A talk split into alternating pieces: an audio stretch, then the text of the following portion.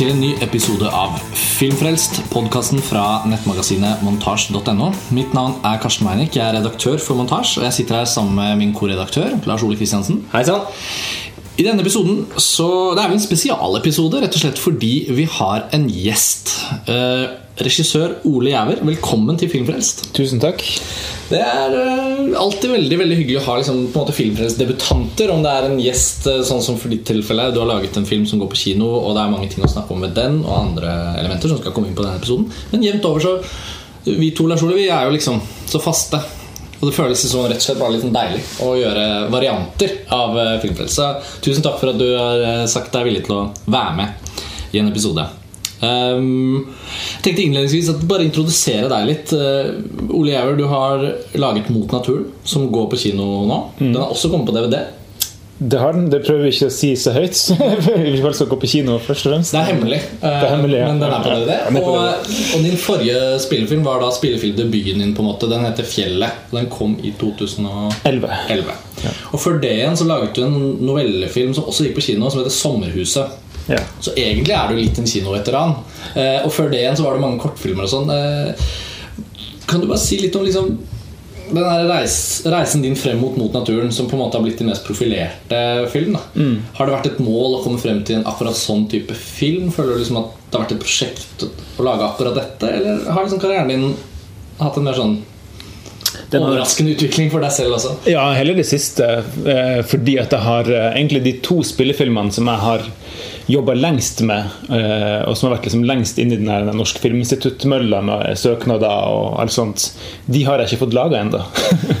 Så både 'Fjellet' og 'Mot naturen' har vært sånne litt sånn adhoc-prosjekter som kom opp fordi at jeg nå må jeg bare lage noe annet istedenfor, som er litt billigere og kanskje litt lettere å få, få gjennomført. Mm. Så jeg vil egentlig si at det, når jeg ser tilbake, så er det mye mer sånn tilfeldigheter det er styrt av. Og etter at jeg lagde kortfilmen 'Tommy', som liksom ble kanskje mitt sånn slags gjennombrudd, der, på en måte, i hvert fall i Norge, der, på en måte, med at man blir sånn synlig der som kortfilmskaper, så var jeg jo helt sikker på at jeg skulle lage spillefilm året etterpå. Og sånn ble det jo ikke. Så kom den her novellefilmen 'Sommerhuset' opp, og så fikk jeg ikke gjort den neste filmen. Så det, ja, det er egentlig veldig tilfeldig at det har blitt sånn som det har blitt, og at det er akkurat de filmene som har kommet ut. Og Samtidig så, så har jo på en måte filmene dine også avtegnet seg et ganske sånn tydelig mønster. Eh, For de som ikke har sett dem, så er altså fjellet bokstavelig talt foregår på fjellet. To menn møtes, og man får eh, Nei, Tommy. eh, Unnskyld. Tommy. Ja. Nå ser du det, De er så like at jeg går i Tommy, selvfølgelig. Det er, liksom, det er to, to mennesker i et fjell. Det eneste du kan ta feil på, er kjønnet. Ja, ja.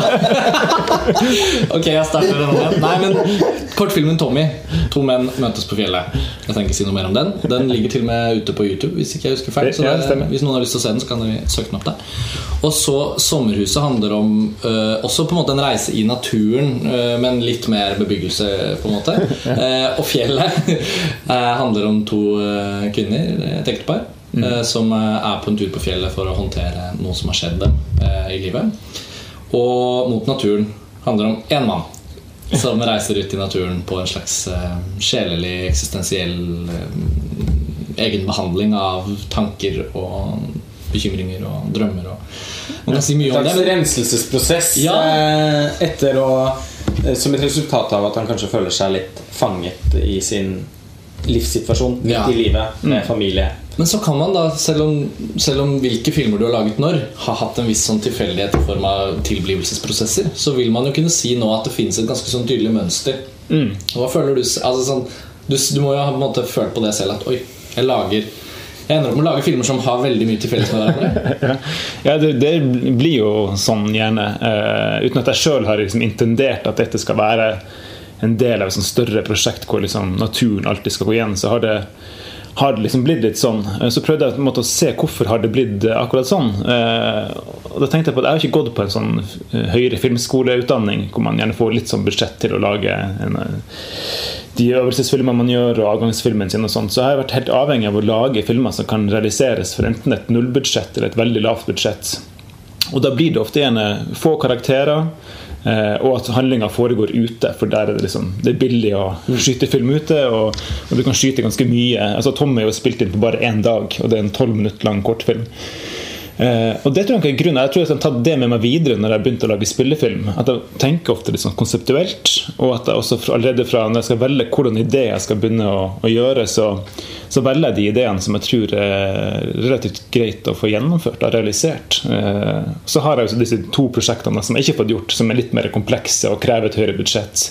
Og jeg har ikke gitt opp de enda, så når de kommer, så vil det kanskje bli litt mer sånn spredning i, i hvordan type filmer jeg lager. men eh, men ja, selvfølgelig kammerspillet og at det liksom er ganske begrensa karaktergalleri. Det tror jeg nok er, ting som vil gå igjen også videre fremover. Det. Mm. Så det, og, og, 'Mot naturen' er vel kanskje da den filmen som det er størst sannsynlighet for at lytterne våre har sett. For den har jo nå gått på kino og vært på festivaler, så skal den også til Berlinalen i februar. Mm. Jeg synes Det er morsomt også at det, det er blitt bekreftet så tidlig helt sånn verdenshistorisk tidlig. Eller ja. berlinale-historisk tidlig. Den første filmen i Panorama-seksjonen, ja, eller i Berlin-programmet i det hele tatt. Ja. Som det er enda flere måneder til den skal vise seg. Men det veldig, må jo være veldig stas. Filmen har liksom kommet ordentlig bredt ut da, i forhold til det du har laget uh, til nå mot naturen som idé er jo utgangspunkt for det vi skal snakke om. Og Lars Ole, vi, jo, eh, vi så den første gang i Haugesund, kan vi nå avsløre. Ja. På, en, på, en, eh, lukket bransjevisning, men også litt sånn for å kunne nettopp forberede oss på å diskutere denne filmen. Og, og da var det jo ganske morsomt hvor han liksom umiddelbart føyde seg inn i en sånn en tematikk, eller i hvert fall en sånn en følelse av noe som var i tiden. Flere andre filmer vi hadde sett i Cannes. Og det var liksom ikke Ja, altså, den, det er jo, det er jo vel, det er veldig velkjent da, at i skandinavisk film de siste 10-15 årene så har det vært veldig gjennomgående at uh, å, å, tematisere kjønn, og da kanskje særlig mannsrollen. Liksom, den nye mannsrollen, uh, forskjellige typer maskulinitet. Um, og mot naturen føyde Det kan vi diskutere mer senere, da. Men sånn umiddelbart da så følte vel vi begge at den føyde seg litt inn i den trenden. Og vi hadde jo da også for ikke så altfor mange måneder siden sett 'Turist' av Ruben Østlund i Cannes. Som også er kinoaktuell nå. Ja, ja. Uh, som, som, jo uh, vel, vel, så eksplisitt diskuterer eh, den skandinaviske mannen i anno 2014 og, og hvor liksom menn og kvinners relasjoner med hverandre, samlivet, alt dette her settes under lupen da, i den filmen på en helt annerledes måte enn i Opaturen. Det, liksom, det oppsto med en gang et eller annet en eller annen forbindelse mellom de to filmene som vi snakket om. Ja. Og så så vi Gone Girl. Alle disse tre hadde norsk kinopremiere i løpet av samme måned. Ja. Og på en eller annen måte så følte vi at, liksom, at filmene Om de ikke liksom hører sammen, så Eh, ledet de oss i hvert fall inn på veldig mange like samtaler. Da. Og det var da vi fikk ideen om at vi måtte ta kontakt med deg og ta en runde filmfrelst på, ja. på det. Ja. Og det gir oss en veldig god anledning til å snakke om mot naturen i seg selv, føler jeg, selv om den har gått på kino en stund. At uh, Nå kan man liksom se litt, litt tilbake på det, hvert fall.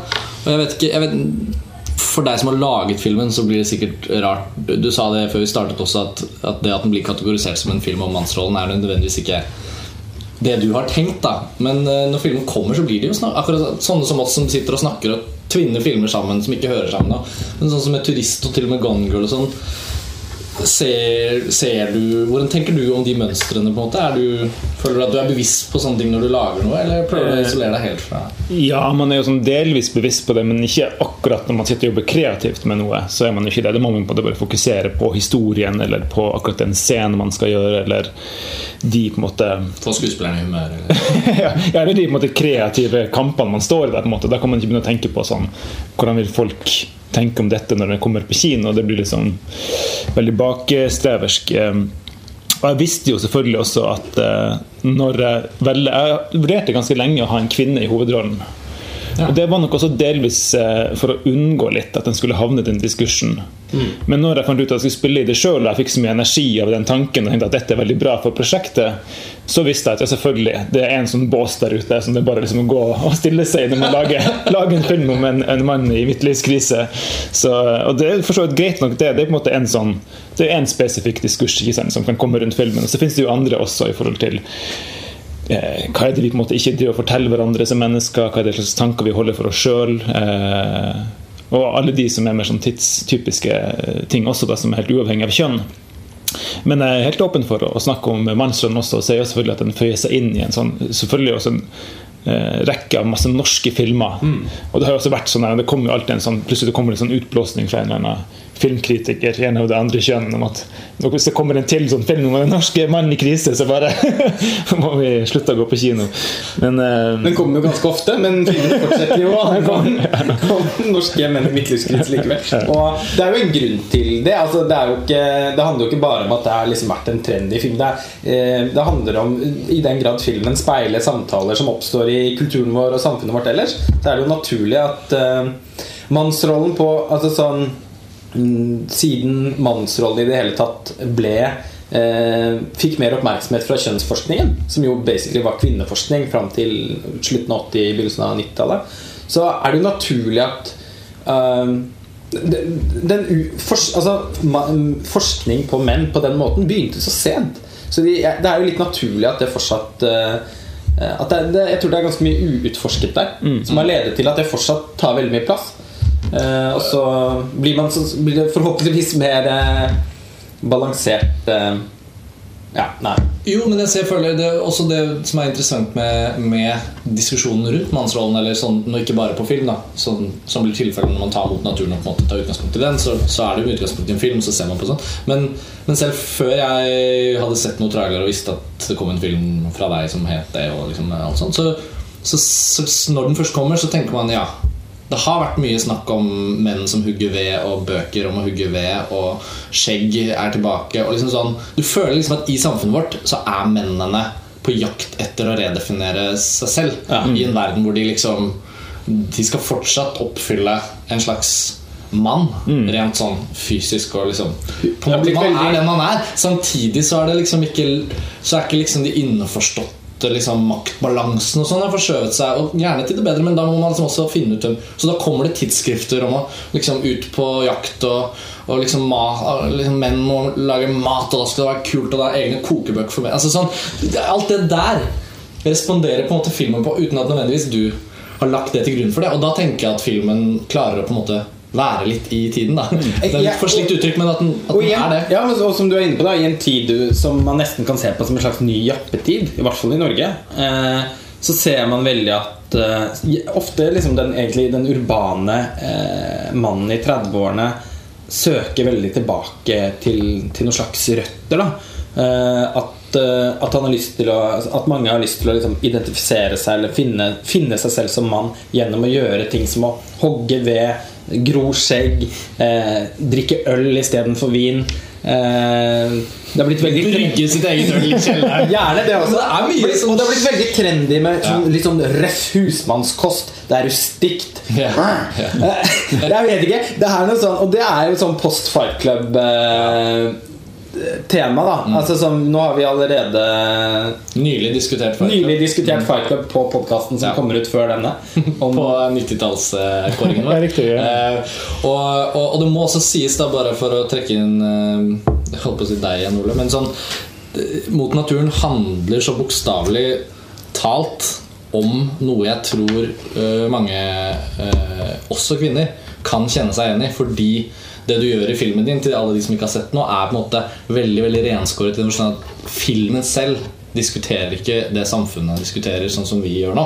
Det er på en måte ikke et tema i filmen med hugging av ved og alt det der. Men liksom, jeg føler at som et visuelt verk så må man kunne si at du imot naturen utforsker litt dette på en ganske sånn annen måte. Hvis du tenker på Den brysomme mannen eller andre norske filmer som har hatt en litt sånn en mann som står der og ikke helt vet hva han skal gjøre av seg. Så føler jeg at imot naturen så syns jeg det er fint Hvis man skal snakke litt om filmspråk at utformingen av hvordan han forholder seg til disse dagene sine ute i naturen, og hvordan det liksom setter i gang prosessen og vekker til live minner hos han. Det er, liksom, det er ganske annerledes også fortalt. For jeg tror Hvis du hadde vært veldig opptatt av å tematisere det som en sånn samfunnsting, så tror jeg opplevelsen av filmen sånn som den er ville blitt litt sånn forflatet. da Det er en scene i filmen hvor han i en sånn myr på en måte bare, bare legger seg ned og liksom begraver seg selv under torven.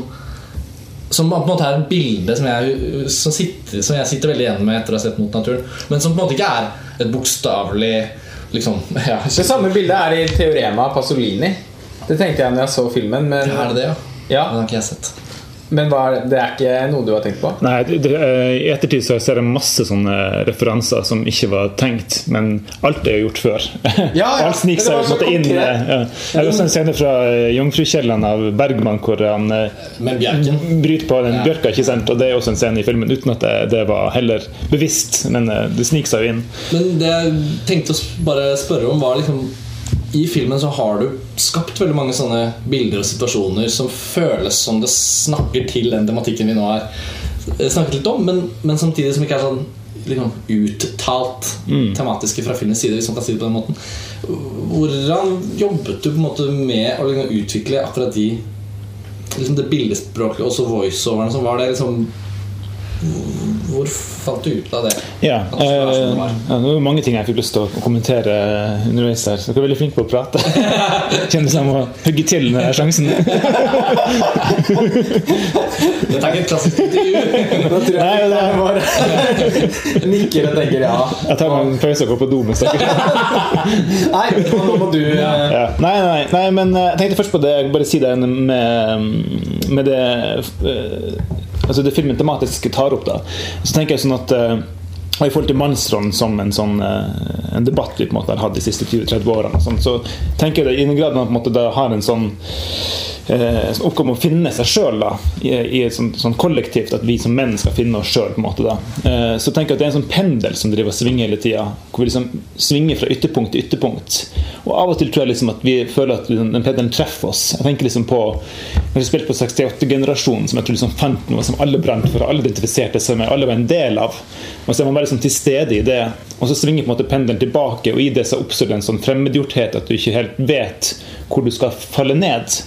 Eh, og litt sånn tror jeg en del av den trenden vi har nå, da, på en måte vi har sånn hadde også den, eh, den feminismen som begge kjønn kan være en del av. For eksempel At man skal eh, være mer i hjemmet og i familien, og vi skal dele oppgavene likt. Eh, samtidig så har vi på en måte arven med oss fra de, eh, de forbildene vi har i våre fedre og, og, og foreldregenerasjonen. Eh, og så opplever vi at det er noe der som vi ikke klarer å frigjøre oss fra, eller kanskje vi ikke skal frigjøre oss fra det, men å finne vår egen måte å, å være i det på. da Eh, og det tror jeg liksom er at vi liksom både der at vi vil være med familien, vi vil ta alle de oppgavene som er der.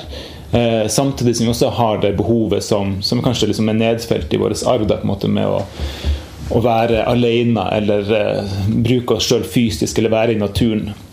Og jeg tenker liksom at Menn og kvinner har kommet til et sånt at hvor eh, kvinnen har frigjort seg mer og mer fra familien og gått inn i arbeidslivet og det å realisere seg sjøl, så er vi på en måte her en sånn motsatt retning. Og nå finner vi oss liksom på et sånt likt plan, da, men med totalt ulik bakgrunn og på vei liksom våres, inn i våres, eh, hverandres domener. Da, på en måte. Eh, og sånn så tenker jeg at, at filmen min forhåpentligvis treffer begge kjønn, bare at man kommer liksom fra ulik bakgrunn. Eh, jeg tenker også Når man skal si noe sånn tematisk, så, så kan man liksom ikke ta utgangspunkt i det når man skal inn i, i en film. Da må man liksom forholde seg helt spesifikt til den karakteren, til de omstendighetene man har gjort, til det narrativet man på en måte har laga. Og der var det jo på en måte Jeg fant, fant det veldig interessant å gå inn i eh, en persons hode. da og som jeg følte var litt sånn utforska på film. Det var sånn spennende å gå inn i det. Jeg følte jeg hadde ikke noen sånn tydelige referansefilmer hvor vi så utilslørt får tilgang på en persons eh, tanker. Ofte så er det jo mer sånn bevisst fortellende, sånn som det er i American Beauty. ikke sant? Hvor det er sånn her eh, med, eh, Han er jo til og med død når han forteller om det. Eh, jeg synes også at eh, både Joakim Trier og Eskil Vogt har vært veldig, gjort veldig vellykka ting med Voice, men det er også mye mer sånn bevisst fortellende til et publikum. Så det, det fascinerte meg. liksom, eller Jeg ble veldig fascinert av å gå inn da, på en måte, i en persons hode på den måten. Eh, Og det var liksom mye der at jeg fant det som jeg opplever kjernen i filmen. da, Og som jo er helt sånn uavhengig av alt som har med, med kjønnsdebatt og, og sånt å gjøre. Som bare handler liksom hvordan er det vi tenker, og, eh, og hvordan eh, beveger vi oss også på en måte gjennom verden når vi tenker. Og, Fordi jeg syns det er forfriskende med filmen at uh, At voiceoveren er uh, Altså, Den oppleves veldig som en fri tankestrøm, men uten at den er liksom poetisert. Den er jo da heller ikke Terence Malick.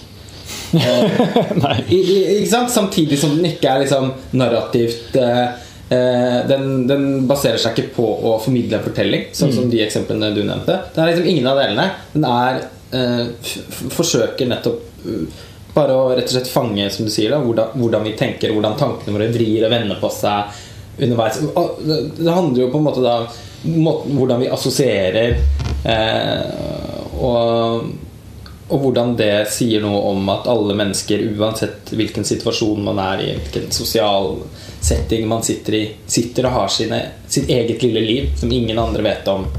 Og som i en, i, en, eh, i en tid hvor vi også i stadig større grad opptrer eh, hele tiden, altså være seg på sosiale medier eller som er en slags er små figurer. Vi har avatarer som vi bruker på internett, som er én versjon av oss, og så sitter vi hjemme og ja, spiser pizza.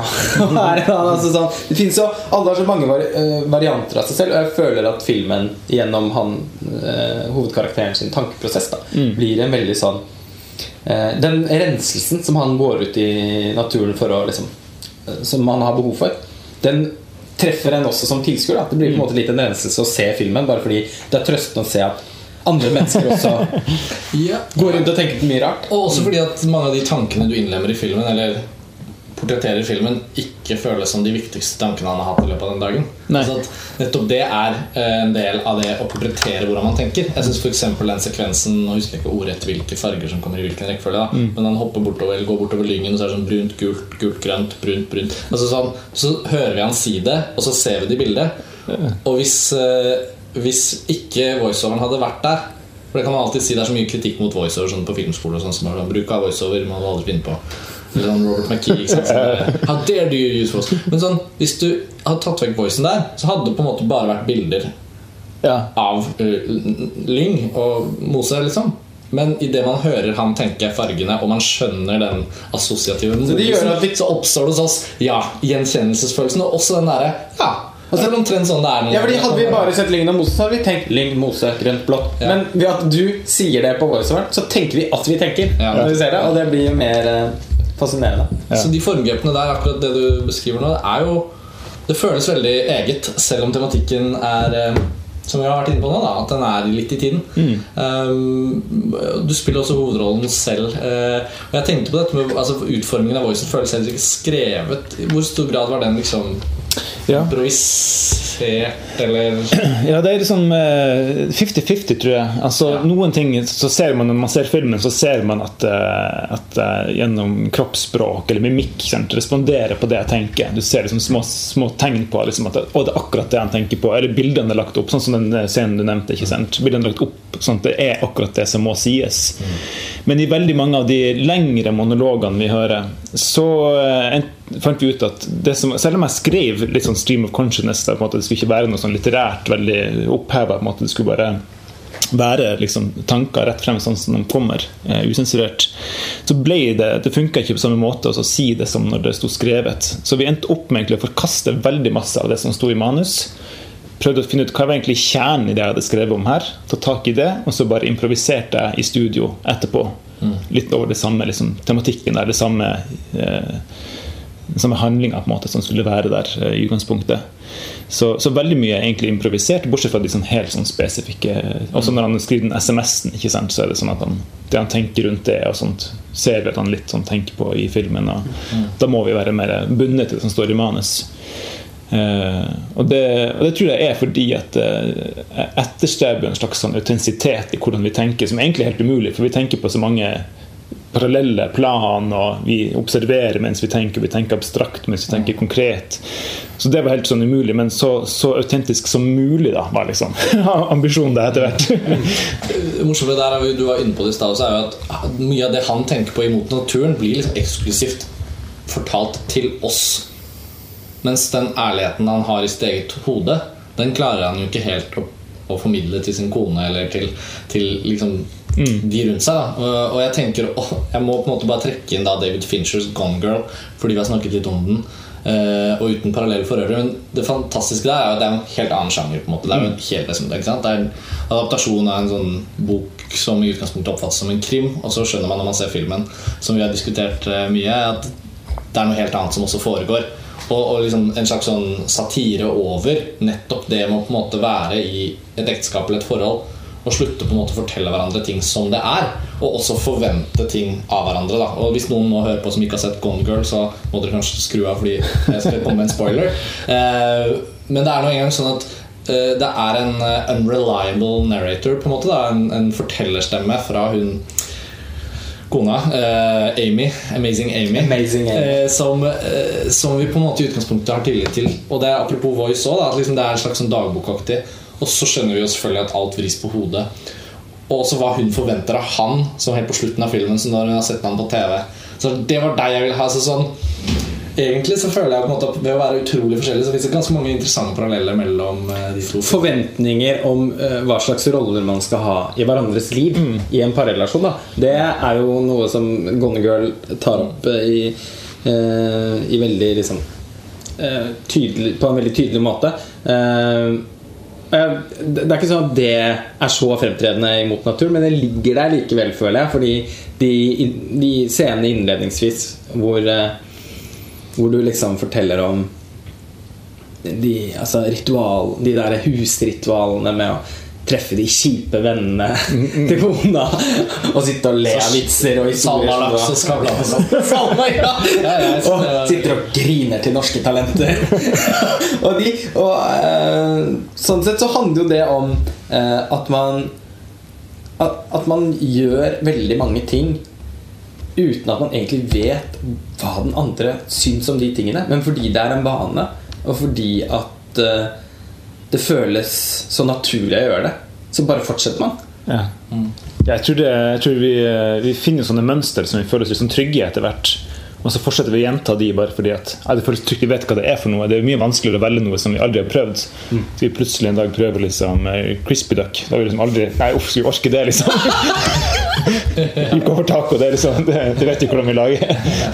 Um, det, og det tror jeg at man liksom uh, Jeg tenker det kommer litt sånn, kanskje ikke så veldig tydelig frem i filmen, da, men uh, at du kan ane litt at kanskje kona heller ikke liksom hennes ønsker det der, liksom, alle de tradisjonene og, eh, og hvordan man innordner livet sitt etter liksom, både sosiale konstruksjoner og, og hvordan liksom, samfunnet for øvrig har lagt opp at eh, liksom, uka og døgnet skal være. og sånt. Eh, Så jeg tror nok at vi er, med på å opprettholde en sånn der liksom, status quo i, i de relasjonene vi har. For det er ingen som måtte Vi tenker bare ting inni oss, og så ser vi bøker og film der vi skjønner at det kunne vært annerledes, og så trøster vi oss med det istedenfor å faktisk ta kampen i, i hverdagslivet. Eh, ja. Men hva, hva syns du om Gone Girl som film? Ja, nei, det, Dere sa at eh, det var en av de filmene dere hadde lyst til å diskutere. Den hadde ikke sett ennå. Og hadde jeg sånn fått med meg filmen sånn litt. Du, du, du skummer litt gjennom noen ting, og så blar du forbi. Så jeg var ikke helt forberedt på hva jeg skulle se. Jeg trodde det skulle være mye Jeg visste at det var basert på en bok, men jeg trodde det skulle være basert litt mer på sånn et autentisk univers. da og det var liksom som jeg gikk inn, så begynte jeg liksom å ane noen ting eh, sånn underveis. For det var sånn veldig sånn såpeaktig sånn, musikk og iscenesettelse av noen ting. Jeg Liksom, enten så har liksom David Fincher bare mista grepet totalt, eller, eller så er det noe her som lander jo på det siste. Det må være noe som han liksom Som jeg får vite senere her, da, måte, Ja. som gjør at dette går opp. Uh, og så var jeg veldig med på det. Så det var veldig gøy. Så det er artig med en sånn mind twist-plott. i sånn, hvor det liksom, Oi, altså, skjønner at det er hun som er gal, og så, men så er han også samtidig det er noe med han. Og så. Men eh, det kommer ny spoiler-alert, da. Men, Ja, men, Spoiler vi har allerede spoilet et stykke gang. men, eh, jeg var med ganske lenge, men på slutten der jeg liksom skjønte at nei, dette her er jo Du var inne på ordet satire, ikke sant? Ja. Det, er måte, det er jo ikke en del av virkeligheten. Og når jeg på en måte forsto det etter hvert, at her er det liksom ingenting Det er liksom Truman Show. Du ser inn i et univers som egentlig bare er fake, da. Da ble jeg sånn Nei, faen også. Jeg var liksom med så lenge på at dette kanskje liksom kunne relateres til mitt liv, eller noe som jeg kjente meg igjen i. Og når liksom bare alt bare ble sånn, og, og hun har liksom drept en fyr, og han liksom går med på å leve videre i relasjonen, liksom. og You, but you killed a guy. Ja, ja, men pizzaen, liksom. Altså, vi fortsetter vi å være et par og bare liksom iscenesette hele Nei, det blir, for, det blir too far fetched da, på en måte, for meg at eh, jeg skulle bli med på det. Nøkkel, nøkkelreplikken som vi har tullet litt med, er vel kanskje når han advokaten sier Jeg skulle akkurat til å si det! You guys, you, have, no, you have to This is a reality show now. Eller hva er han sier? Altså, Rodet? jeg, først siterer han You're the most fucked up people I've ever known. Ja.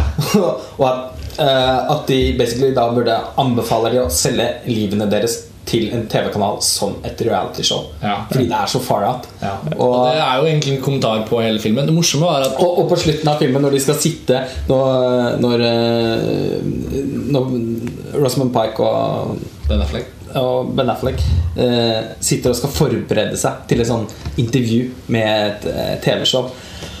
Og de liksom sitter og øver litt, og, og han kaller henne for fantastic. Så, åh, ikke bruk det ordet, det høres så overdrevet ut. Ja. So what should I call you? Amazing. og, og hennes liksom Den reisen hennes Jeg føler at filmen også, samtidig som alt er så veldig blåst opp, da eh, den, Det poenget om at hun har blitt dyrket fram gjennom foreldrenes barnebøker som et idealmenneske. Og som når hun møter livet, så, så føler hun et behov for at hun må leve opp til det idealet og skaffe seg den perfekte mannen. Men som viser seg at han også sitter, ligger på sofaen og fiser og spiller dataspill, og så er det ikke det hun har. Og så det er noe sånn eh, den, Ja. Men det man liksom forventer eh, Og dette mener jeg ikke bare skjer på filmene disse filmene vi snakker om, og din film og sånn, men, men i det virkelige livet òg. At, eh, at på sitt beste så kan filmer som dette faktisk gjenspeile reelle liksom, mønstre og trender i menneskers liv. Og jeg tror også hvis du trekker inn turist også, da som Ruben Østlund er. Det er jo en veldig staged film. Eh, Desto mer jeg tenker på den, desto mer føler jeg på en måte at den også er fake. da I den ja, beveger seg over i satiren. Ja, nettopp. ja. Ikke sant? Og da er man litt sånn, Men fordi han har også oppsøkt en sånn veldig autentisitet med filmspråket sitt og de andre filmene, så blir det jo også noe med at, det, at når de turist til slutt også lander i et sånt satirelandskap hvor det nesten er sånn at de kunne vært Playmo-figurer eh, så vel som mennesker, på en måte så er det også en sånn at man må ta en revurdering og tenke litt over den. da. Men, han, men den liksom Scenen han setter med det sånn Her kommer det snøraset, og han rømmer, og han vil ikke erkjenne det. Og da er vi i gang, liksom. Så er det snakk om det. Så bryter han også ned de tingene som gjør at man ender opp med å spille rolle på den eller den måten. Vel, en av de gode scenene er vel han, når han mannen sitter utenfor hotellrommet og griner som bare det. Og så sier hun sånn Det er ikke noe til å gråte. Nei, men det kunne vel vært det. Liksom stopper han altså, sånn, um, Men Ja, jeg vet ikke helt hva jeg skal frem til, men jeg syns liksom at det at disse, alle disse filmene, da, inkludert din, har på en måte liksom, Det er som om det eksisterer noen sånne semiusynlige tråder mellom dem. Som gjør det litt sånn interessant at alle disse tingene portretteres, men også på så forskjellige måter. Da. Jeg tenkte på Når du sier det, så tenkte jeg sånn at, at det kanskje har noe med det å definere seg sjøl. Hvem man er på en måte i et sånt bilde av de, av de andre. Da, på en måte, liksom bevisst hvem de andre ser deg som. Eh, og hvor det liksom eh, I min film er kanskje mer på sånt mikrokosmosnivå. Da, på en måte, at det, det er liksom bare i de, de faktiske liksom, daglige relasjonene du har til kona di, til, til barna dine, til kollegaene dine så er det jo i, i Ruben Østlund mye mer sånn tematisert eh, over familien og de, de kjønnsrollene vi har i familien. Og, eh, jeg synes jo En av de beste scenene er når han sitter og gråter og sier at jeg er et offer for mine egne liksom, Hva er det han sier for noe? Jeg husker ikke ordrett, men det er den samme scenen. Han gråter for at han ofrer for sin liksom, arv måte, eller liksom, miljøet han har vokst opp i. eller sånn. Eh, Men begge, men begge de to filmene er jo egentlig når alt kommer til alt satirer. Eh, mens din film er jo ikke det i det hele tatt. Eh, Nei, jeg, er jeg er litt forsiktig, men tror jeg, jeg vil være med å si at Ruben Østlund sin er det. Eh, fordi at den er også eh, Det er mange ting der jeg opplever som mye mer sånn autentisk, og som jeg liksom tror på. Så det er mye mer liksom, liksom iscenesettelsen Det visuelle iscenesettelsen av det, og litt sånn at ting blir litt sånn de er litt karikerte, en del av de. Veldig presise. Jeg er jo veldig fan av Ruben, må jeg bare si. Og syns synes også at den filmen er veldig kul, og jeg liker den veldig godt.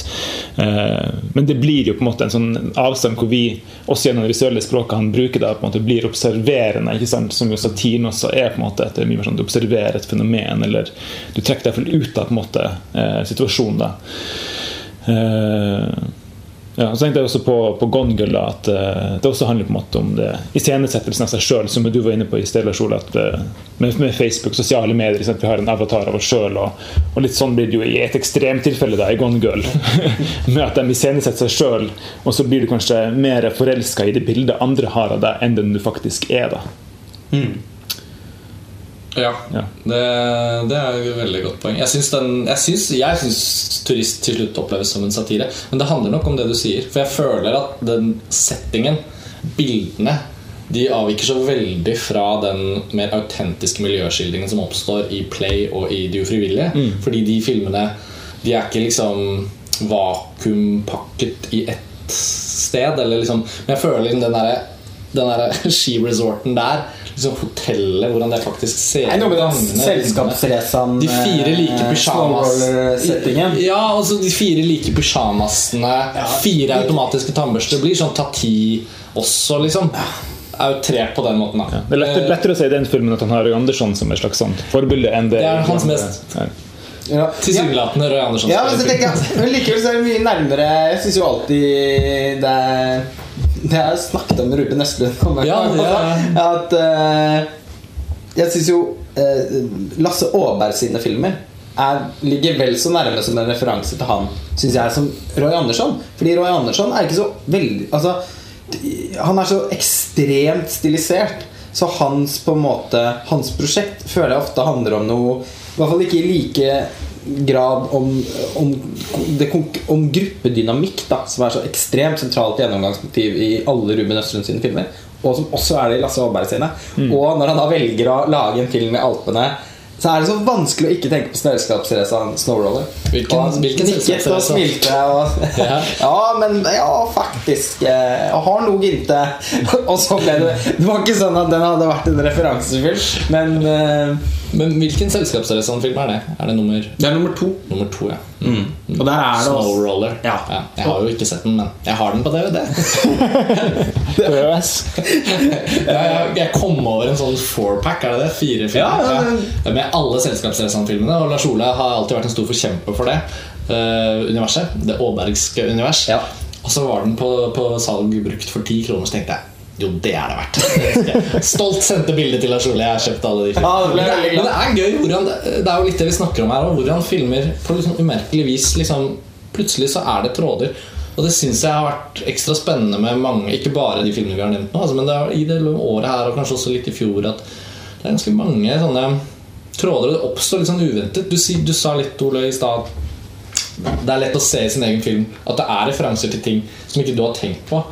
Og Hvis man skulle snakke om ting du har tenkt på i forkant, også kanskje bare for å starte en ny tråd da.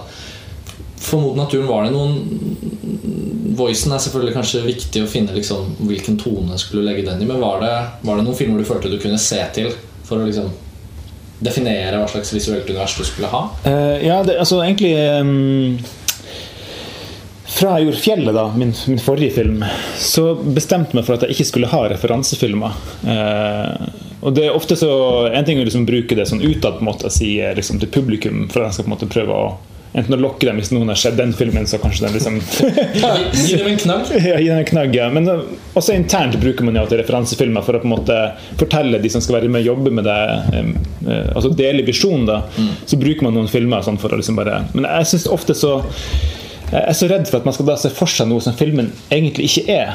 Uh, og jeg tenker at Det har sikkert også litt med selvtillit å gjøre. at Når man har laga noen filmer, så stoler man mer på at man klarer å skape noe som man selv opplever som genuint. da at jeg vil at filmen skal finne seg sjøl, eh, uten liksom, eh, noen referanser til andre filmer.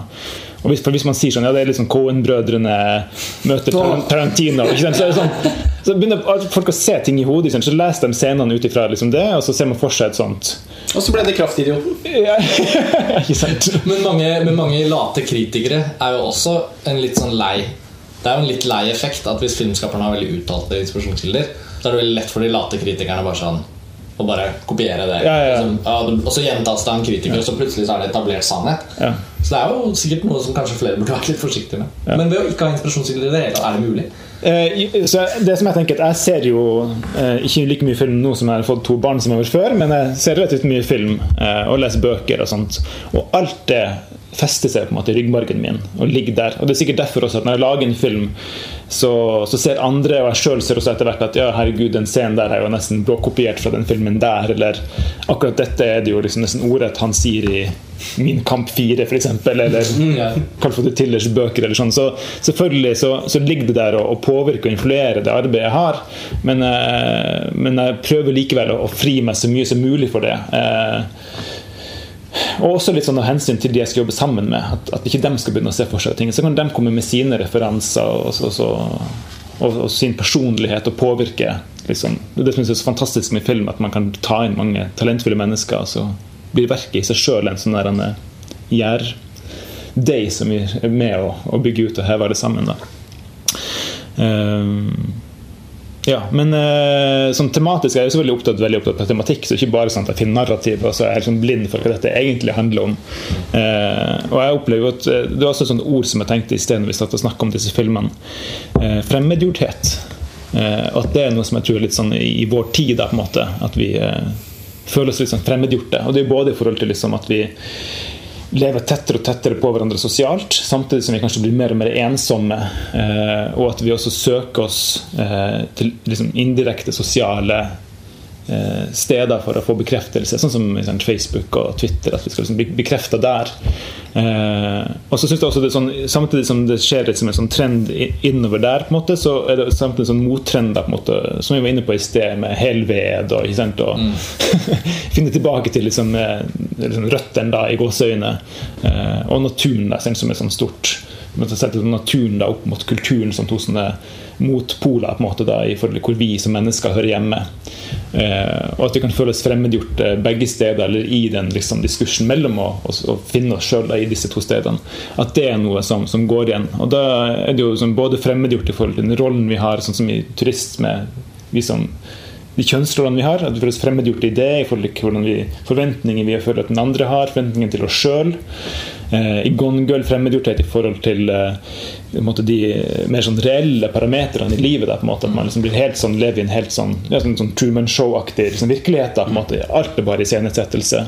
Eh, og imot naturen, hvor det er fremmedgjort i forhold til eh, de helt sånn eh, nære relasjonene. Og til seg sjøl, at han ikke sjøl føler at han er på plass i sitt eget liv. Han er ikke til stede i det.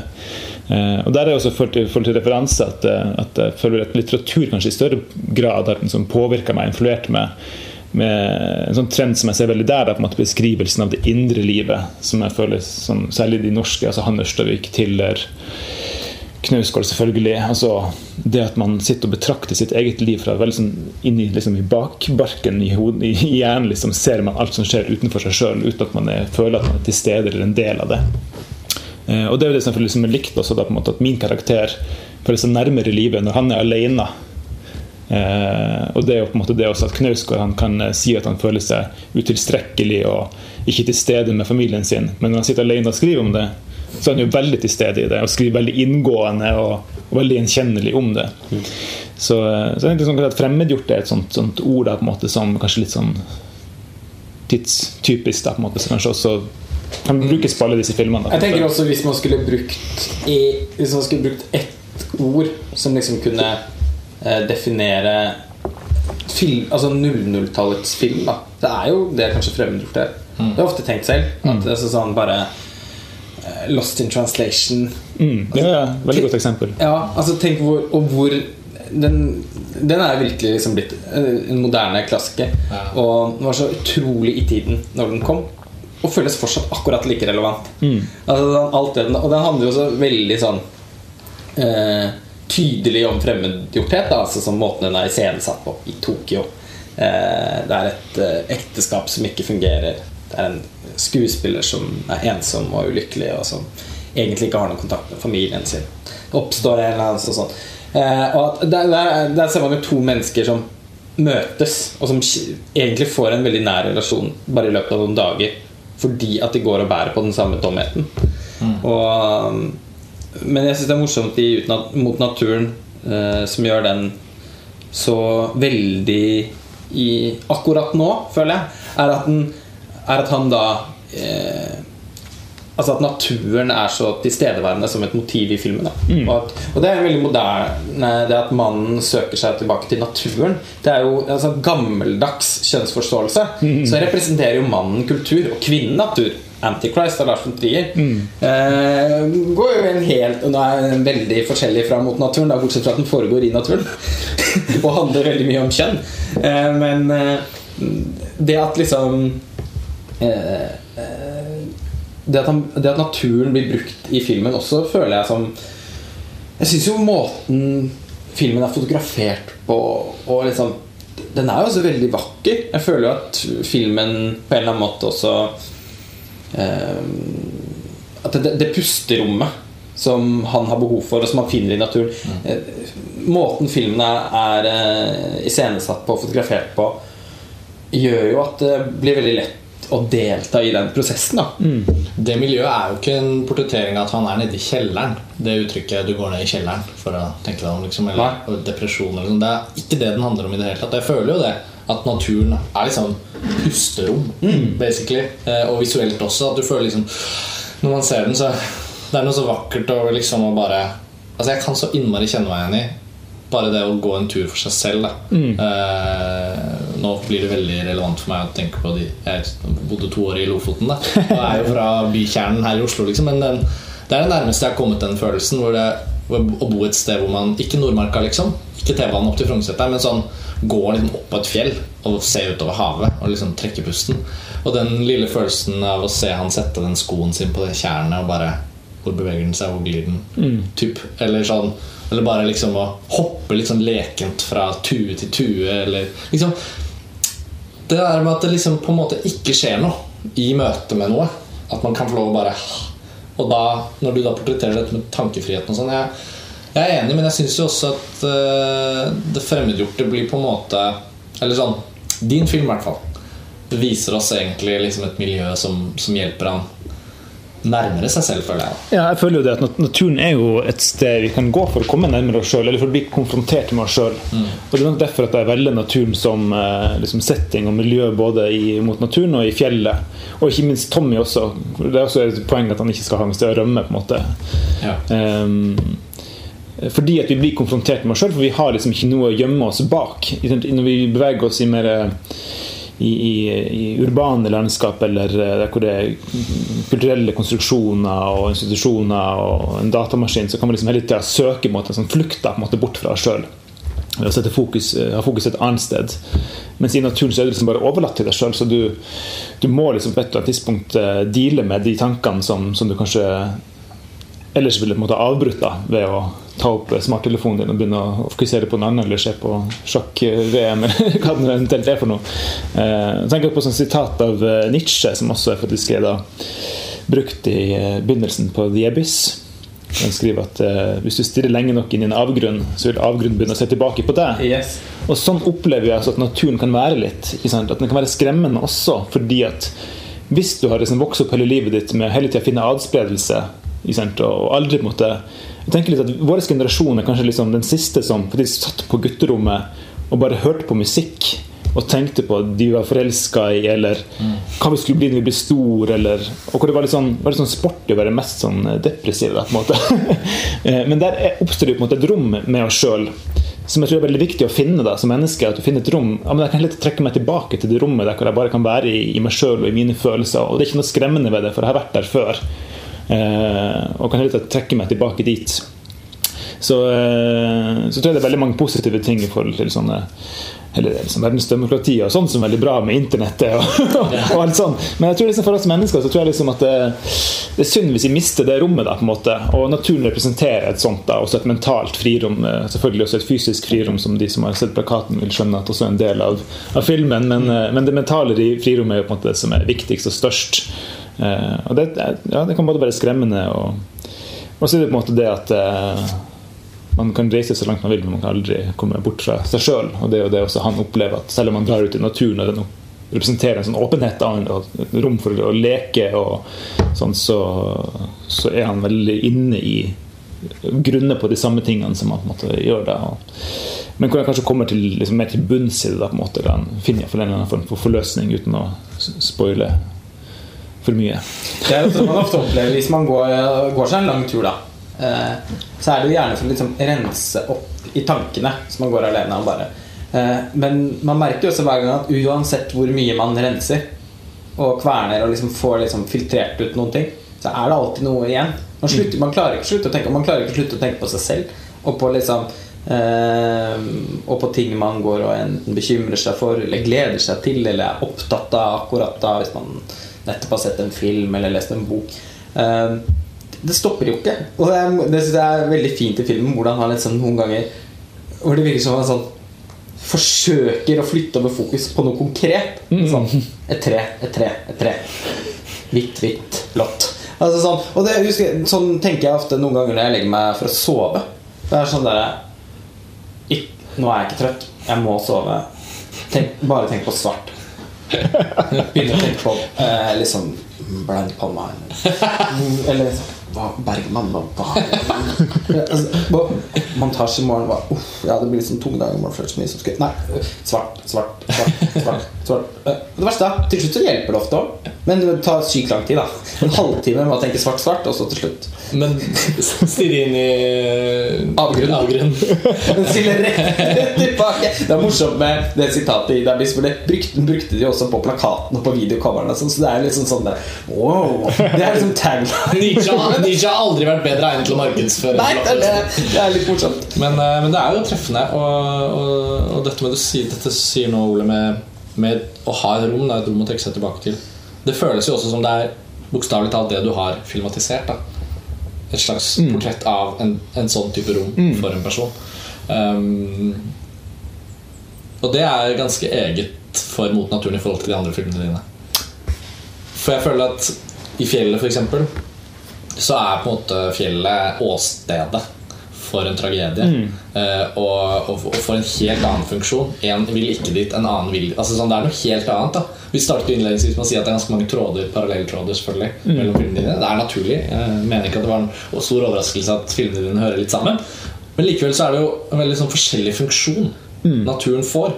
Også som du sier om Tommy, hvor han ikke kan Altså Det å møte noen du ikke helst vil ha en samtale med, alle kan kjenne seg igjen i det. Men når du da ikke kan gå noe sted, så er det du skulle ønske du var alle andre steder enn der. da eh, hvis, hvis du tenker på ting andre filmer du vil lage, og liksom sånn også, jeg tenker sånn Naturen vil på en eller annen måte sikkert være viktig for deg også i fremtidige filmer. Føler du at den betyr én ting for deg som alltid må være der, eller tenker du at naturen kan ha en helt sånn fri funksjon? Jeg tenker nok at den kan ha en ganske fri funksjon. Jeg tenker jo at naturen er et, eh, måte, et nøytralt sted. Den er verken god eller ond. Eh, og at man kan bruke naturen på, til å liksom speile oss på veldig mange måter. Eh, og det prøver vi også å gjøre, altså jeg og Øystein Mamen, fotografen, da, at vi, vi velger de liksom helt sånn spesifikke geografiske locationene i naturen som vi kan finne som kan være med og forsterke og underbygge den. Vi vil liksom at karakteren skal føle seg pressa og stengt inne. Så går vi ned i et juv eller har en svær steinblokk liksom bak. Eh, mens når vi vil at han skal få lov til å puste litt, så, så tar vi han med liksom opp og viser liksom blåningen eller horisonten. Og, så, eh, og jeg tror naturen kan representere veldig mye, men den vil jo alltid på en måte være Det er liksom der vi mennesker kommer fra. Den vil representere noe sånn grunnleggende i oss, da, tenker jeg. Og den vil nok alltid være der. Men, Men forskjellige filmskapere vil jo stille med et veldig forskjellig utgangspunkt. Altså, tenker Werner Herzogs portrett av naturen vil alltid være annerledes enn Ole Gjævers portrett av naturen. Og jeg tenker, men jeg tenker at ditt forhold til Eller Terence Mall. eller, eller han som lagde det der Koyun Kadatski og Wata Kadatski Ja. Nei, men det er, det, er, det er jo noe som helt sikkert kommer til å komme tilbake i dine fremtidige filmer òg. Det tror jeg absolutt. Eh, Nå holder jeg blant annet på med et eh, science fiction-prosjekt som er et kammerspill inn i et romskip. Eh, og det er jo også litt sånn for å Det er jo på en måte fravær av natur som, som også blir veldig sånn presserende. Og liksom en, uten å avsløre for mye. Nå er jeg midt i prosessen og jeg er litt forsiktig med å få snakke for mye om noe som man er, ikke er ferdig med. Men, men hvor fravær av natur også er en del av det tematiske i filmen. da Eh, men det er på en helt annen måte. For det, det, går den ikke, det er det motsatte av å gå inn i naturen. når man frarøver menneskene det å se hva som skjer da. Men handler den også om eh, en, en karakter som går inn i seg selv, og som deler de tankene med tilskuerne, på en måte? Nei, nei. Nei. nei den er egentlig veldig har ikke så veldig mange paralleller med mot naturen. Nei. Hva er liksom settingen til denne nye filmen, da? Kan du Ja, det, det, det er ikke liksom, si for mye, men det, det er litt sånn postapokalyptisk. eh, Noen mennesker i et romskip, liksom. Ja. Ja, altså, ja. Vi har ikke for mye science fiction i norsk filmkultur. Nei? Det har vi ikke. Så det tenker jeg jeg ønskes herved velkommen. Ja. Eh, Bare vent til jeg lager min først. ja. ja, nei, nå mente jeg at det var din. ja, riktig. Jeg Ja. tror ikke det er så mange andre. Det er sånn, det typisk, alt gjøres jo Det er jo sånn, Ideer oppstår samtidig. Det er jo det vi snakker om egentlig i dag. da Altså Ja, Ideer oppstår ja. samtidig i hele verden. Da, på en måte Ja. Du ser at de samme tingene skjer liksom overalt. Eh, apropos det som jeg bare sier, det er kanskje en liten digresjon, der, men jeg leste om et sånt eh, prosjekt Et sånt eh, forskningsprosjekt hvor de hadde Hvor de så at hvis én rotte eh, ble stilt overfor en utfordring En sånn fysisk utfordring et sted i verden. da Hvor det kanskje tok tre dager for en rotte å skjønne hvordan kommer de over dette hinderet. Så så de at når én rotte et sted i verden hadde skjønt det, så skjønte alle rotter i hele verden det. Som en sånn uforklarlig ting, da, på en måte. men det er på en måte en sånn at ideer kanskje liksom finnes der ute, og det bare liksom kommer ned til oss fordi et rett menneske får en idé, så finnes den ideen i, liksom, i, i Men det er kosmos. Det er litt sånn som, plant, eller som Rise to the Planet of the Apes. Liksom sånn, hvis først én ape blir smart, så, så sprer det seg ganske raskt. Litt. Ja.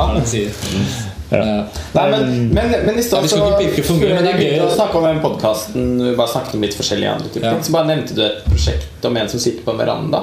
Ja, det er et annet prosjekt jeg holder på med nå som eh, Jeg kan heller ikke snakke for mye om det, men det, det heter det heter Fra balkongen. Eh, Jeg bruker min egen balkong hjemme som et sånt sted å betrakte verden fra. Det, balkongen er et sånt fint sted, da, for det er liksom midt mellom verden der ute med nabolag i byen, naturen og, og stjernehimmelen når natta kommer og sånt. Og liksom hverdagsliv og relasjonene på innsida. Eh, Nå skal jeg filme gjennom et helt år. Eh, og jeg har begynt. Ja, Ja. Så får vi se hva det blir.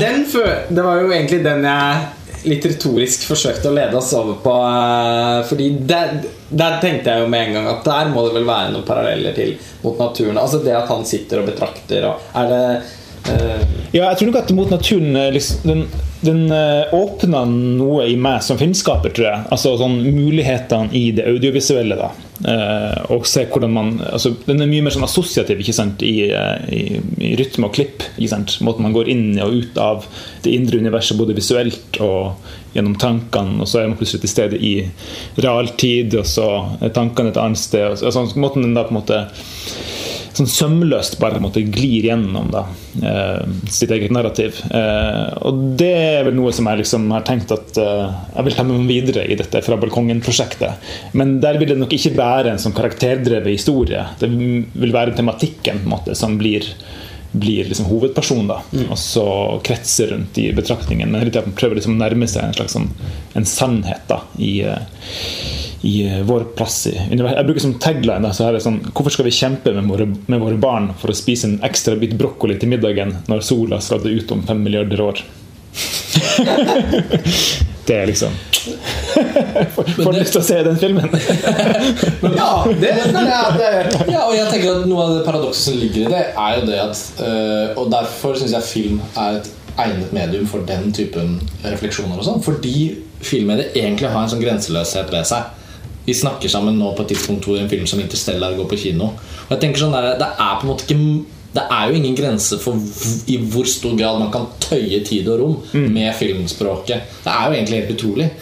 Og da er det også morsomt å se på det med at vi som mennesker kan, kan la oss oppsluke fullstendig av en ubetydelig detalj, en brokkolistilk eller et eller annet. Men vi kan også frigjøre hodene våre og tenke og forestille oss noe. Og vi kan forske på universet, hvor stort det er. Altså Bortenfor vårt solsystem så er det en hel galakse, den galaksen er en av tusenvis av galakser i Melkeveien. Og så bortenfor der. Altså sånn, hvis du først zoomer ut, sånn som i slutten av Men in Black Jo, men seriøst. Ja, ja, klinkekule. Altså sånn, det er noe av det som gjør Men in Black så uh, minneverdig på en filosofisk måte. Til å være en så tåpelig på en måte, hermetegn tåpelig film. Eh, og det er, Hvis man kan frigjøre sitt forhold til å lage film, da, bruke filmspråk og liksom utforske og utvikle sin filmografi, og kjenne på at man kan egentlig både lage noe om det minste lille, en liten frosk som sitter på hånden din, men du kan også liksom strekke det.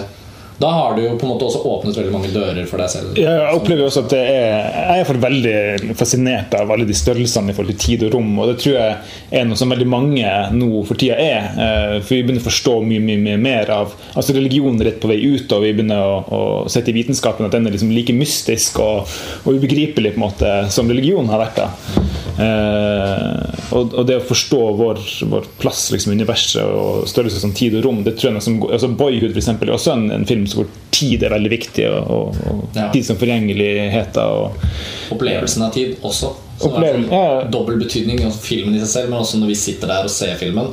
Som vi snakket om litt uh, før vi begynte også, at den er jo bemerkelsesverdig konservativt fortalt, eller konvensjonelt fortalt.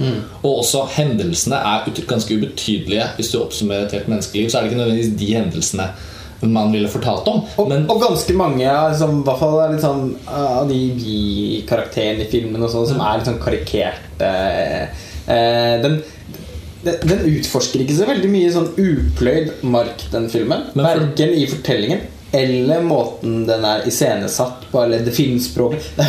Eh, jeg må jo si at jeg er litt forbløffet over den sånn sin, Den sånn på en måte en av tidenes beste filmer-statusen som den umiddelbart har fått. Jeg lurer på om det kommer til å stå seg Men tror du ikke det at man da Sorry, men tror du ikke det at ved å få bevitne tiden gå på den måten den filmen gjør Det er rett og slett konseptet om å filme den sånn som den er gjort i løpet av tolv år. Det blir så spesielt for oss å se. Det blir liksom at det er en sånn opplevelsesestetikk nesten knyttet til det å se tiden gå. At liksom veldig mange andre ting blir Men, betydelige. det har jo, men Michael Apted har allerede gjort Ja. sin up eh, Men det ble ikke like populært. ja, nei, jeg vet det. Jeg vet det. Nei, men, det, men det er mye mer fascinerende filmserie.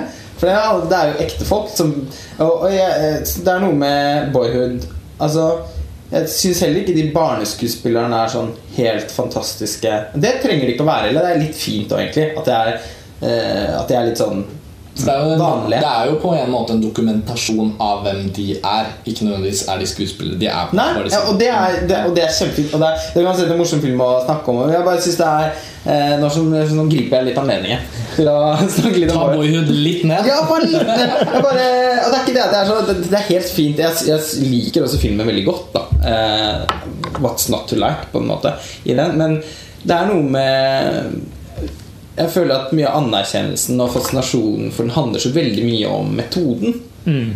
jeg syns jo ikke filmen heller har noen spennende måte å, å formidle følelsen av tid på. 'Blå er den varmeste fargen', f.eks., syns jeg var helt utrolig god på å formidle tid gjennom å ha veldig få scener. Alle scenene er lange. Filmen er kjempelang. Alle scenene er lange, men veldig få scener til å være en så lang film. Som skaper Og du vet aldri liksom Når ellipsene kommer, så vet du aldri hvor lange de er. Men du føler det. Du merker det på måten folk snakker til hverandre på. Sånn føler jeg ikke at det er i Boyu. da Jeg det er mer sånn Nå har det gått et år til. Å, det var det året hvor den Daft Punk-låten var en hit. eh, året før, ja, da var det den eh, Godte-sangen. Ja. Så ja, ja. Ja. Du syns det blir litt for enkle virkemidler for å få formidlet dette som Jeg synes det. Nå ble det plutselig Ja. kjempestort poeng. Men, men du nevnte den jo også men, Hva syns du om Boyer, da? Jo, men Du nevnte den jo pga. den tråden vi var inne på med Ja, altså Størrelse som tid og rom på en måte Ja. er veldig jeg, jeg tenker jo at film, eh, eller kulturer og kunst generelt, er jo på en måte eh, der vi speiler oss og forstår eh, mer av oss sjøl som mennesker. At vi, det er på en måte forskning. da på en måte Vi, vi, vi må vi trenger det for å speile oss selv og for å forstå oss sjøl. Eh, og hvor det også er en sånn eh, angst, Vi døyver angsten vår litt i kulturen. på en måte Så alle disse katastrofefilmene kommer, ikke sant? de kommer jo samtidig som at vi skjønner på en måte at det kan komme meteor, eller liksom Eller eh, at eh, jorda er ikke en statisk eh, liksom, størrelse. Det kommer vulkanutbrudd, tsunamier you name it. ikke sant? Eh, og det må vi lage film om, for at vi må liksom sitte i en kinosal og spise popkorn og, og le litt av frykt for at dette faktisk kan skje. Ja. Eh, og det er det samme jeg mener at eh, når eh, vi skjønner på en måte hvor, eh, hvor lite vårt liv er i den store sammenhengen, så må vi også døyve angsten i forhold til det ved å lage filmer som tar opp det. på en måte Og, og det Boyhood gjør, er på en måte å komprimere ungdomsårene våre, tolv år, til tre timer. Eh, og bare se det utspille seg, gjør et eller annet i forhold til vår nostalgi i forhold til den tida. Eh, og vi, eh, vi sitter her jo på en måte, Vi kan både identifisere oss med han gutten, men også med Ethan Hawke, ikke sant, på faren. Mm. og mange sikkert også mora. Og det er egentlig For meg så er det jo mora som er den karakteren som, som blir mest fascinert av og som har den største reisen som karakter på en måte, i, den, i den filmen. Men uh, jeg tenker som at uh, jeg er også veldig begeistra for blå er den varmeste fargen. Men den er liksom, det er sånn to forskjellige universer. Richard Linklater er liksom disse, disse liksom hva skal jeg si, uh, scenene med masse dialog hvor han snakker på en måte, sånn knekkebrøddialog. ikke sant? De bare snakker om, om veldig konkret, Det er sånn én til én. ikke sant? Det- Og det synes jeg er liksom, litt sånn deilig med hans univers. da, at Det er litt sånn, det er bare akkurat konkret det det er. Uh, Og så blir liksom det litt sånn opphøyd fordi at han, han det veldig mm, presist, jeg opplever jeg. Uh, også den der, Nå er vi inne på mannsrollen, sant? Ethan Hawke i Boyhood.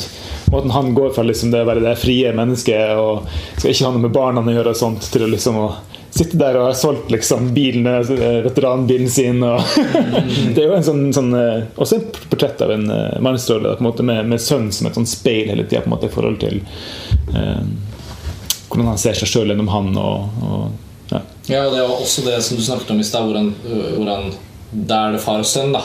Som, som på en måte drar i De kommer på en måte nærmere hverandre i løpet av filmen, men samtidig så er de på vei i forskjellige retninger. Og de må akseptere forskjellige ting med hverandre. Faren må liksom akseptere at shit, nå er det ikke jeg som er den unge mannen lenger, på en måte mens han må akseptere at faren ja, eh, har liksom forlatt noen av drømmene sine, for han har blitt eldre, liksom. Eh, og og hva, hva sier det om han? Kommer han også til å måtte forlate drømmene sine? Altså. Men um, Jeg må understreke at Den sammenligningen med blå er den varmeste fargen Den, var ikke, den handlet jo bare om det med Ja. å Men hva- det må skape følelsen Av tid, ja. Ja. i film. Og det er veldig interessant at Blå er den varmeste fargen gjør det på en så effektiv, men også nesten sånn umerkelig måte. Boyhood gjør det jo ikke på en umerkelig måte. Selv om det ikke er kapittelinndelt, så er det jo veldig sånn at det er noen punkter hvor det kommer på en låt, eller det klippes på en viss måte, og så er det sånn Ja, Og på et, særlig på et eller annet tidspunkt eh, de siste årene. Da, kanskje det er fordi det er de årene man husker eh, alle Ja, så er det så morsomt å se en periodefilm om 2012. Ja. Men, men det var jo akkurat med måten er liksom ah, Der kom den Coldplay-låten Og der kom det så Det er jo nesten like tydelig som å sette et uh, kapittel Som å Det er filmen i det, men, men i Blå varmes den fargen så skjer det, det som er, ja, Den filmen er jo helt vidunderlig på så mange måter, men, men det at hun eh, godeste Adele har virkelig liksom hun har, hun har modnet og vokst og fått liksom nye tanker om hvem hun skal være i forhold til livet sitt. Sånn. Det er sånne ordentlige, sånne virkelige psykologiske skifter som portretteres med en hestehale som henger sånn, eller et hår som er satt opp sånn, eller hvordan hun ter seg. De lesebrillene hun har fått Ja, når hun ja. er blitt litt surere lærer Ja. for den nye klassen. Altså sånn å, Nå er du i ferd med å bli voksen, jenta mi. Det er veldig sånn Og, og måten deres eh, relasjonene mellom de Adele Exarchopoulos og Mm. Lea Seydoux eh, utvikler seg i film hvor du bare sm- merker avstanden uten at filmen liksom hugger det i stein. Da. Mm. Det synes jeg er og, eh, og jeg- jeg opplever ofte at filmer som handler om Som ikke nødvendigvis handler om tid, men liksom som handler om liv som liksom leves over, over en lengre periode, er utrolig avhengig av å få til nettopp det. Mitt største problem med 12 Years a Slave, f.eks., eh, som jo vant Oscar for beste film og er en av årets mest kritikerroste filmer, eh, som jeg ble ganske skuffet over, nettopp fordi at jeg følte ikke tolv år. Det kunne vært two years a slave. Eh, og det blir et problem når filmen ikke prøver å være skal være så episk. da Jeg så ikke de årene gå. Jeg fikk, jeg fikk ikke følelsen. Jeg syns den var dårlig organisert som fortelling. Hvis følelsen av gnagende tid, håpløshet, endeløshet skulle være et poeng. Så, og da mistet filmen meg, rett og slett. Forholdet til altså sånn Mot naturen foregår i løpet av to dager omtrent. En helg, da. Ja. Og, og fjellet er også ganske kort. ja Fire-fem dager. Ja. spesielt, ja. Uh, og du snakket om at uh, denne mm, fra balkongen da Du må selvfølgelig ikke tvinges til å si mer om filmer du ikke har laget ennå. Jeg skal passe på sjøl. Ja men, men man må liksom det føles ut som det er et, film, eh, et filmprosjekt hvor du virkelig kan strekke på tiden på en annen måte enn det du har, du har gjort tidligere. Absolutt. Eh, Den, er- den er jo på en måte bundet i formen av eh, at jeg skal liksom starte innspillinga. Blir starta på høstjevndøgn, altså 22.9. i år, og vil avsluttes 22.9. neste år. Men innenfor det her er jo rom for masse digresjon, assosiasjoner, så jeg kan jo på en måte reise helt ut til enden av verdensrommet. Og jeg kan også reise så langt tilbake i tid som jeg vil, innenfor liksom den ramma. Eh, som jeg sikkert også kommer til å gjøre til en viss grad. Eh, men eh, ja, du sa jo det at film har jo den muligheten en måte, til, å, til ta alle de størrelsene inn der, på en måte. Og ja, Da kommer vi egentlig bare inn på hva, hvorfor vi alle filmelskere, hva film generelt gjør med oss. At det kombinerer alle disse fortellerelementene liksom, elementene, på en måte, i en sånn Kjærligheten vår til film burde jo være et underliggende tema i alle episoder av Filmfrelst. Altså, så må det måles litt sånn hva slags film det er man snakker om. Men jeg syns også- også det er verdt å trekke inn da at det er jo litt fascinerende det du fortalte helt innledningsvis om at du har hatt prosjekter i utvikling som på en eller annen måte ikke har kunnet gjennomføres. Og så har du vendt nesen din mot en annen idé, forfulgt et annet spor. Og nå sier du jo også at med Mot naturen så har du på en måte fått åpnet noen nye sånn tanker om, om hva slags type filmer du kunne tenke deg Mm. Er det øh, Det blir litt sånn, for å ta det ned fra det filosofiske, da, men i, i det tekniske med å få en film til å bli til. Og når du likevel da har lagd film istedenfor å vente på å få støtte liksom, Tenker du noen gang over liksom, hva de tilfeldighetene liksom, egentlig betyr for deg? Føler du at du egentlig burde ha gjort dette du har gjort uansett? Eller tenker du at liksom, det har vært noen eh, liksom, tapte muligheter ved at et prosjekt ikke har blitt til på et visst tidspunkt? Eh? Nei, jeg tenker jo at det, i, eh, i, i, alt som på en måte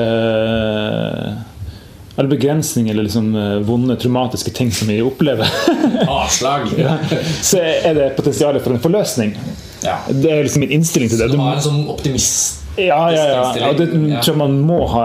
Ja, i hvert fall liksom I denne bransjen så må man ha det. Og i lille Norge kanskje særlig, hvor det liksom ikke er Ja, jeg tror egentlig generelt liksom at du må det, Du kan ikke drive liksom, og, gnåle over de tapte liksom, eh, muligheter. Du må heller liksom se på at da, da kan jeg gjøre noe nytt og noe annet istedenfor. Mm. Uh, og i ettertid jeg, jeg tenker mye på sånn determinisme for tida. Eh, apropos. Ja. Eh, og det er jo ikke, liksom, det er ikke en, liksom en, en isme vi kan leve etter. For da kunne vi jo bare liksom lagt oss ned og dø. Ja. Men sånn i retrospekt kan vi forklare ting med determinisme. Eh, og sånn tenker jeg at jeg ville ikke vært foruten det. liksom eh, Når jeg ser tilbake, så skulle der og da så er det jævlig tungt å få et avslag. og det er liksom, Du jobba kanskje flere år med et manus eller en film, og så kommer avslaget, og så bare åh, fy faen, hvordan skal jeg liksom løfte opp energien liksom, og finne på noe nytt? Men i ettertid så syns jeg det er veldig, veldig glad egentlig for den, den, den reisen jeg hadde, som at du hele tiden må liksom lete etter noe, noe nytt. da, på en måte, og, og eh, ja, så jeg tenker at eh, Nå ser det veldig sånn selvfølgelig ut, den, den veien er gått. Og det kunne ikke vært noe annerledes. Og for å være helt ærlig, så et av de prosjektene er jeg egentlig glad for at det ikke ble noe av. For at eh, den hadde Den hadde iallfall ikke kommet til Berlin, for å si det sånn. Ja, fordi både fjellet og Mot naturen vil jo da rett og slett ha hatt Berlinvisning i Panorama-sideprogrammet. Mm. Og vår erfaring med filmfestivalen i Berlin er at det er der alle de bra filmene er. Ja, Eh, Konkurransen har jo vært så svak de siste årene, så man emigrerer jo inn i I år var Panorama også ganske svakt. ja, det Men, var eh, uheldig, da. ja, det var fordi Oles film ikke var der.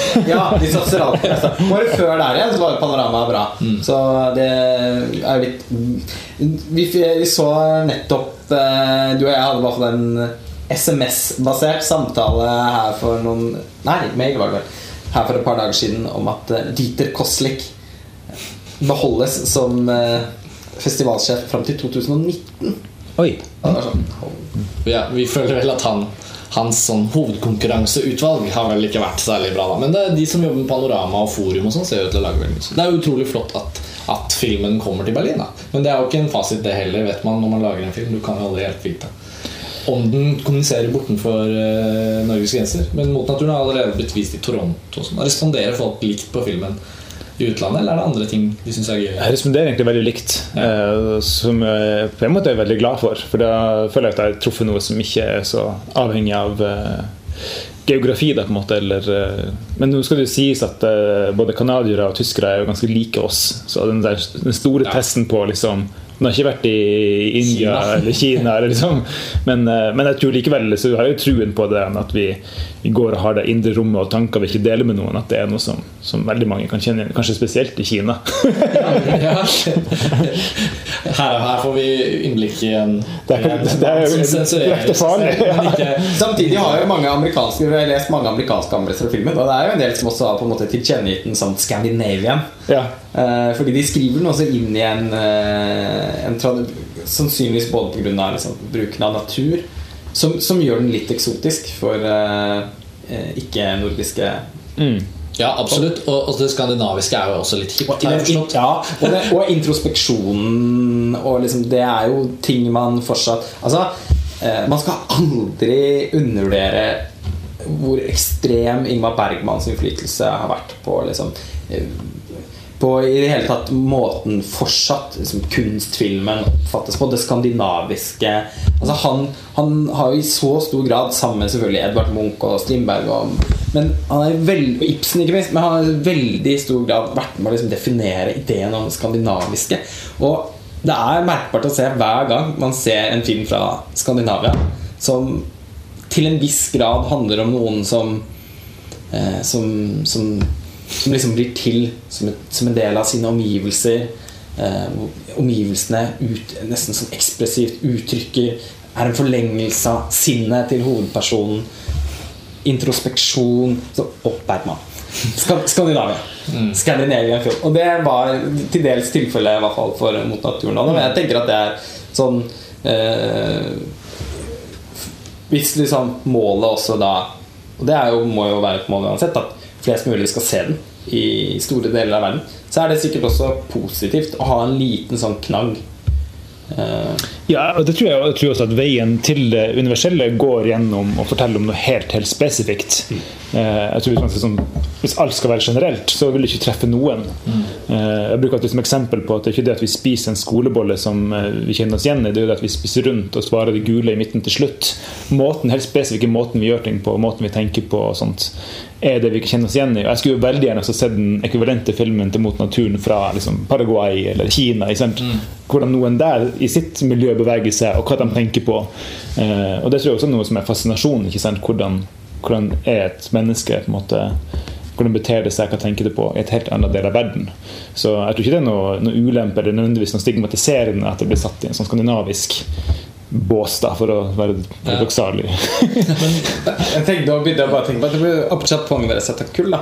Han ser for meg kunne laget noe tilsvarende, fordi veldig mange av hans filmer handler jo om fremmedgjorthet. Mm. Altså sånn uh, så mm. Syndromes uh, and the Century uh, som, som, Det handler jo også veldig mye om mennesker som uh, Tropical Malady. Folk som oppsøker naturen mm. for å finne, finne en slags ro eller komme til en erkjennelse. Mm. Oh, ja. mm. ding, ding, bow, ding, Et litt annet toneleie, men ikke helt ulikt. Med sirisser. Ja, vi trenger noen sirisser i din neste film for å begynne Men Apropos der, så er jo liksom uh, hans film også i den liksom metafysiske ikke sant? Uh, tolkning av naturen, da, som, som, man ofte setter ting i bås fra, mm. fra hans del av verden. Mm. Ja. Jeg har alltid vært en forsvarer litt for remakes noen ganger, eller nytolkninger, som jeg kanskje syns er et mye bedre ord. da Noen ganger så er det liksom sånn Ja, men man burde virkelig hatt Si da med Mot naturen, da. Det var morsomt å liksom Nesten som et sånt prosjekt. Sånn utplassere remake. Sånn, vi skal ha en meksikansk, vi skal ha en thailandsk, vi skal ha en kinesisk. Og så liksom hva, kom, hva, hva, blir resultatet, da? Hvis rammeverket ikke er et manus, nødvendigvis men sånn, en idé. Det skal være en hel sånn Night on Earth. Ja, jo, men altså liksom uten at de liksom vises sammen. Men at de forstår altså, sånn, Jeg syns de beste remakesene er jo nettopp Det er gøy å tenke på at det er en ny tolkning av det. Altså, sånn, det jeg har alltid tenkt sånn Hvorfor er man så sur hver gang det blir laget en remake som utgangspunkt Eller folk da i hermetegn blir så sure? Eh, det er fordi de tenker at liksom, originalen utslettes. Det gjør den jo ikke når det er film. Det er mye verre med teater. på en måte Setter opp teateroppsetninger om og om igjen, og du får aldri sett de oppsetningene som har vært. Så du blir alltid liksom den ferskeste oppsetningen når en eller annen ung person nå skal gå og se Per Gynt for første gang. Det kan være sånn crazy oppsetning på Nationaltheatret. Og så er det inntrykket av Per Gynt. Fordi veldig få setter seg Jeg liker ikke Ibsen. Jeg bare så, det. ja, men, altså, men, men, når det kommer til film, så er det sånn originalene er der jo alltid. Er det ikke fantastisk å tenke på at 'Jomfrukjellaen' av Bergman, eh, hvor Max von Sydow lener seg på denne bjørken og bringer den ned, den har vært utgangspunktet for horror. Eh, the Hills Have Eyes. Ja. Nei, ikke The Hills Have Eyes, Last House, Last House on the Left. Til West Craven. Og så liksom, det er jo egentlig helt fantastisk. Som igjen også har fått en remake. Nettopp. Så og det, det, Remake me. Ja, remake me. Som også er fascinerende. Men um, ja, vi nærmer oss vel slutten nå, føler jeg også. Men, uh, når, når, vi kommer til det punktet, og vi skal ha et forslag for, forslag for remakes. Men, men, jeg tenker nå igjen på det at uh, For vi startet litt der, eller jeg spurte deg om uh, hvordan du opplever at karrieren dins liksom, utvikling har vært selv om den har vært litt tilfeldig. Mm. Jeg jo Det høres veldig veldig riktig ut å tenke at man ikke kan på en måte i hermetegn slutte å lage film bare for en eller annen byråkratisk avgjørelse sier at uh, den summen statlige penger kan ikke delegeres til dette prosjektet på dette tidspunktet. Det er jo ikke et 'nei, vi vil ikke at du skal lage film', egentlig. Men i hvert fall i Norge og sikkert også i mange andre land så kan jo den avslagsprosessen når det kommer til at filmer må finansieres med statlige tilskudd, da, som er veldig vanlig i Europa, men som de ikke gjør i USA, så er det vel likevel sånn at det er jo egentlig også en utfordring. Og når du sier det, så tenker jeg at det er jo egentlig en den holdningen vil vel være, i hvert fall som en analyse av det du har laget til nå, metoden for at det har blitt som det har blitt. På et eller annet vis så er det sånn den der uviljen til ikke å lage film. At liksom, her blir det filmer, men de blir kanskje noe annet, men det blir noen filmer. Og så, Og så har jo det brakt deg frem til Mot naturen nå. Og da kan det jo bli ganske interessant også å se liksom hvordan ja, Om du får en sånn mer sånn full mm, norsk, i norsk sammenheng statlig budsjettramme på en av filmene du lager de neste fem-ti årene, så liksom Hva vil det gjøre? Vil, vil den utfordringen være annerledes? Liksom? Mm. Jeg tenker bare sånn For the record så må jeg bare si at uh, Mot naturen er jo støtta av staten. Ja bare Innenfor en sånn sideordning som heter Ja. Nye Veier med lave budsjetter og sånt. Nettopp, Nå kommer ikke vi inn på det fordi vi vet det, men, men Ja, det er for sånn lytterne lytterne å vite at det ja. Og, det, og det støtteprogrammet, i hvilken budsjettklasse ja, Da er det sånn at du har et tak. Du kan ikke ha høyere budsjett enn 8 millioner. Nei. Men så får du også da 85% av det budsjettet får du fra staten. Som Ja. vil si at det er liten risiko. ikke sant? Du trenger ikke så mange eh, folk på kino for å tjene inn de pengene du, eh, du henter utenfra. da. Ja. Uh, og det tror jeg er Jeg tror det er liksom uh, Markedet endrer seg jo så radikalt hele tida. Hvis man ser på kinohøsten, den norske kinohøsten nå i år, så ser man jo på en måte at det som før, altså For ti år siden så skulle liksom alle nå 100 000 på kino. ikke sant? Det var liksom det, hvis ikke så var det en flopp. Ja, som helt sykt. Ja, som er helt sykt. Men sånn var det da. ikke sant? Ja. Uansett hvor smale filmer du lagde, så var det sånn Du må i hvert fall nå 100 000. Og så ble det sånn, og så ble det sånn 70 000 ble det på en måte det nye etter hvert. da. Vi skal i hvert fall nå 70 000, ikke sant? Og jeg husker jo en film som eh, min produsent produserte, jo 'Jernanger'. Eh, Og den ble sett av 70 000 på kino. Som er jo Og det er jo utenkelig fantastisk, men hun var jo skuffa. Det var for lite. Og i dag er det altså, en film som Jernanger i dag, hvis den hadde blitt sett av 70 000, så hadde jeg besvimt. Ja, men for å trekke inn Bjørn- nye, men, for å Nå er det jo 10 000 for å få etterhåndsstøtte. Blind måtte liksom karre seg til 10 etter hvert 15 000. Ja, og det er jo også, Det er jo noe som er galt med den der støtten der. ikke sant? Nå skal vi ikke kanskje snakke så veldig mye Nei, politikk, men, nei, men jeg skulle bare si liksom at markedet er i endring og alt sånt der. Og, og du sier også Bent Hamer som kanskje har laga en av sine mest eh, sånn kommersielt vennlige filmer da, på en måte i år, med sånn romantisk komedie med Andal Torp i Paris. sant?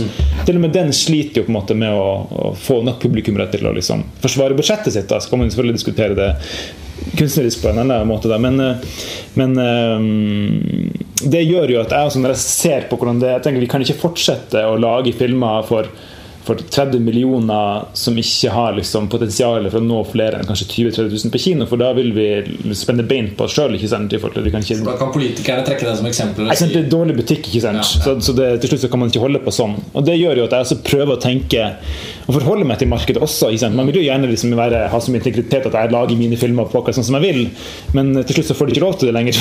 fordi at det er ikke lønnsomt, eller det er ikke det publikum vil ha, eller det bransjen kan være med å hjelpe deg til å få realisert. Så, så det å tenke litt sånn innovativt da, på en måte i forhold til um, hvordan type konsepter og ideer du velger.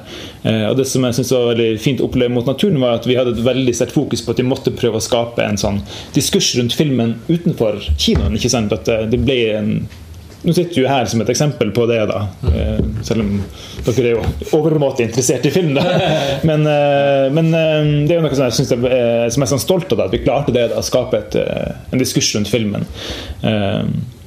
Eh, og, og det vil nok også være med å prege hvordan filmer jeg gjør i fremtida. At det, eh, det vil være vanskeligere og vanskeligere å velge konvensjonelle dramaer. På en måte, selv om jeg synes det er også En av mine favorittfilmer er 'Ordinary People', som er et sånt kjempekonvensjonelt Ja, eh, drama. Men og det er fantastisk i akkurat det. og jeg synes også forstått at Kompani Orheim i Norge er et godt eksempel på hvordan et helt sånn straight drama liksom er engasjerende, og du blir berørt av det. Og, og, ehm, så tror jeg liksom likevel at uh, Hvis man skal gjøre det, så må man velge et konsept eller en setting som gjør at uh, at du får liksom overskudd i det. på en måte, At du ikke liksom hele tida går og ser på kinotallene og, og har liksom høye skuldre for at vi ikke kommer til å tjene inn pengene våre. Så, uh, for til slutt blir det ødeleggende for kreativiteten. da, At du skal liksom er redd for å ikke nok kommer på kino. Så det tror jeg ikke bare for min del, men for veldig mange. da, så tror jeg det vil, det nye, på en måte Markedet endrer seg vil også å definere hvordan filmer eller ideer vi velger å, å gjennomføre. Eh, Og det vil vi jo for min egen del.